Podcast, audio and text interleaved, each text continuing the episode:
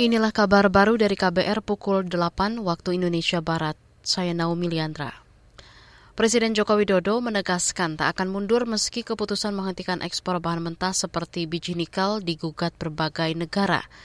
Menurut Jokowi, ekspor bahan mentah justru memberi banyak keuntungan untuk negara lain.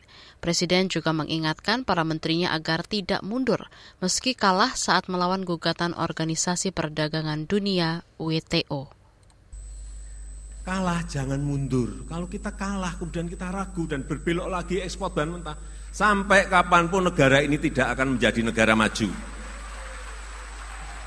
Itu tadi Presiden Joko Widodo. Saudara, Indonesia telah mengajukan banding pada Desember 2022 lalu usai kalah atas gugatan Uni Eropa di Organisasi Perdagangan Dunia terkait larangan ekspor nikel.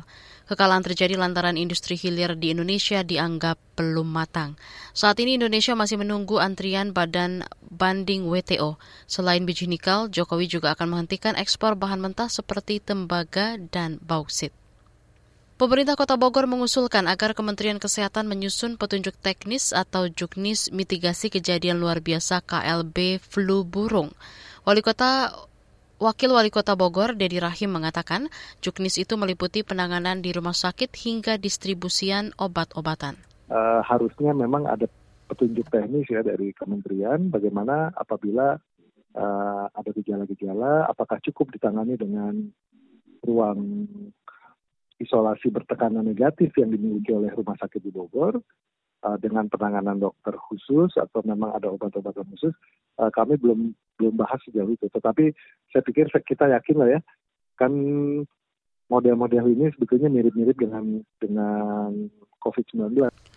Wakil Wali Kota Bogor, Dedi Rahim mengklaim ada tiga upaya mitigasi penularan flu burung di wilayahnya. Di antaranya pengetatan protokol kesehatan, deteksi dini, dan memperkuat sosialisasi kepada masyarakat terkait upaya pencegahan dan deteksi gejala awal. Departemen Imigrasi Malaysia menahan 13 perempuan warga negara Indonesia dan sepasang suami istri yang diduga menjadi agen pembantu asing ilegal di Shah Alam Selangor, Malaysia. Melansir antara, Direktur Jenderal Imigrasi Khairul Zaime Daud menyebut seluruh WNI masuk ke Malaysia dengan menyamar sebagai pelancong menggunakan pas lawatan sosial atau PLS. Mereka dijanjikan bekerja sebagai pembantu rumah tangga atau petugas kebersihan setelah membayar mulai dari Rp3.500 ringgit atau sekitar 12,04 juta rupiah hingga 4.500 ringgit sekitar 15,48 juta rupiah per orang. Departemen Imigrasi menduga Pasutri itu mengatur peng pengiriman WNI ke Malaysia dengan bantuan agen-agen di Indonesia. Demikian kabar baru KBR. Saya Naomi Liandra.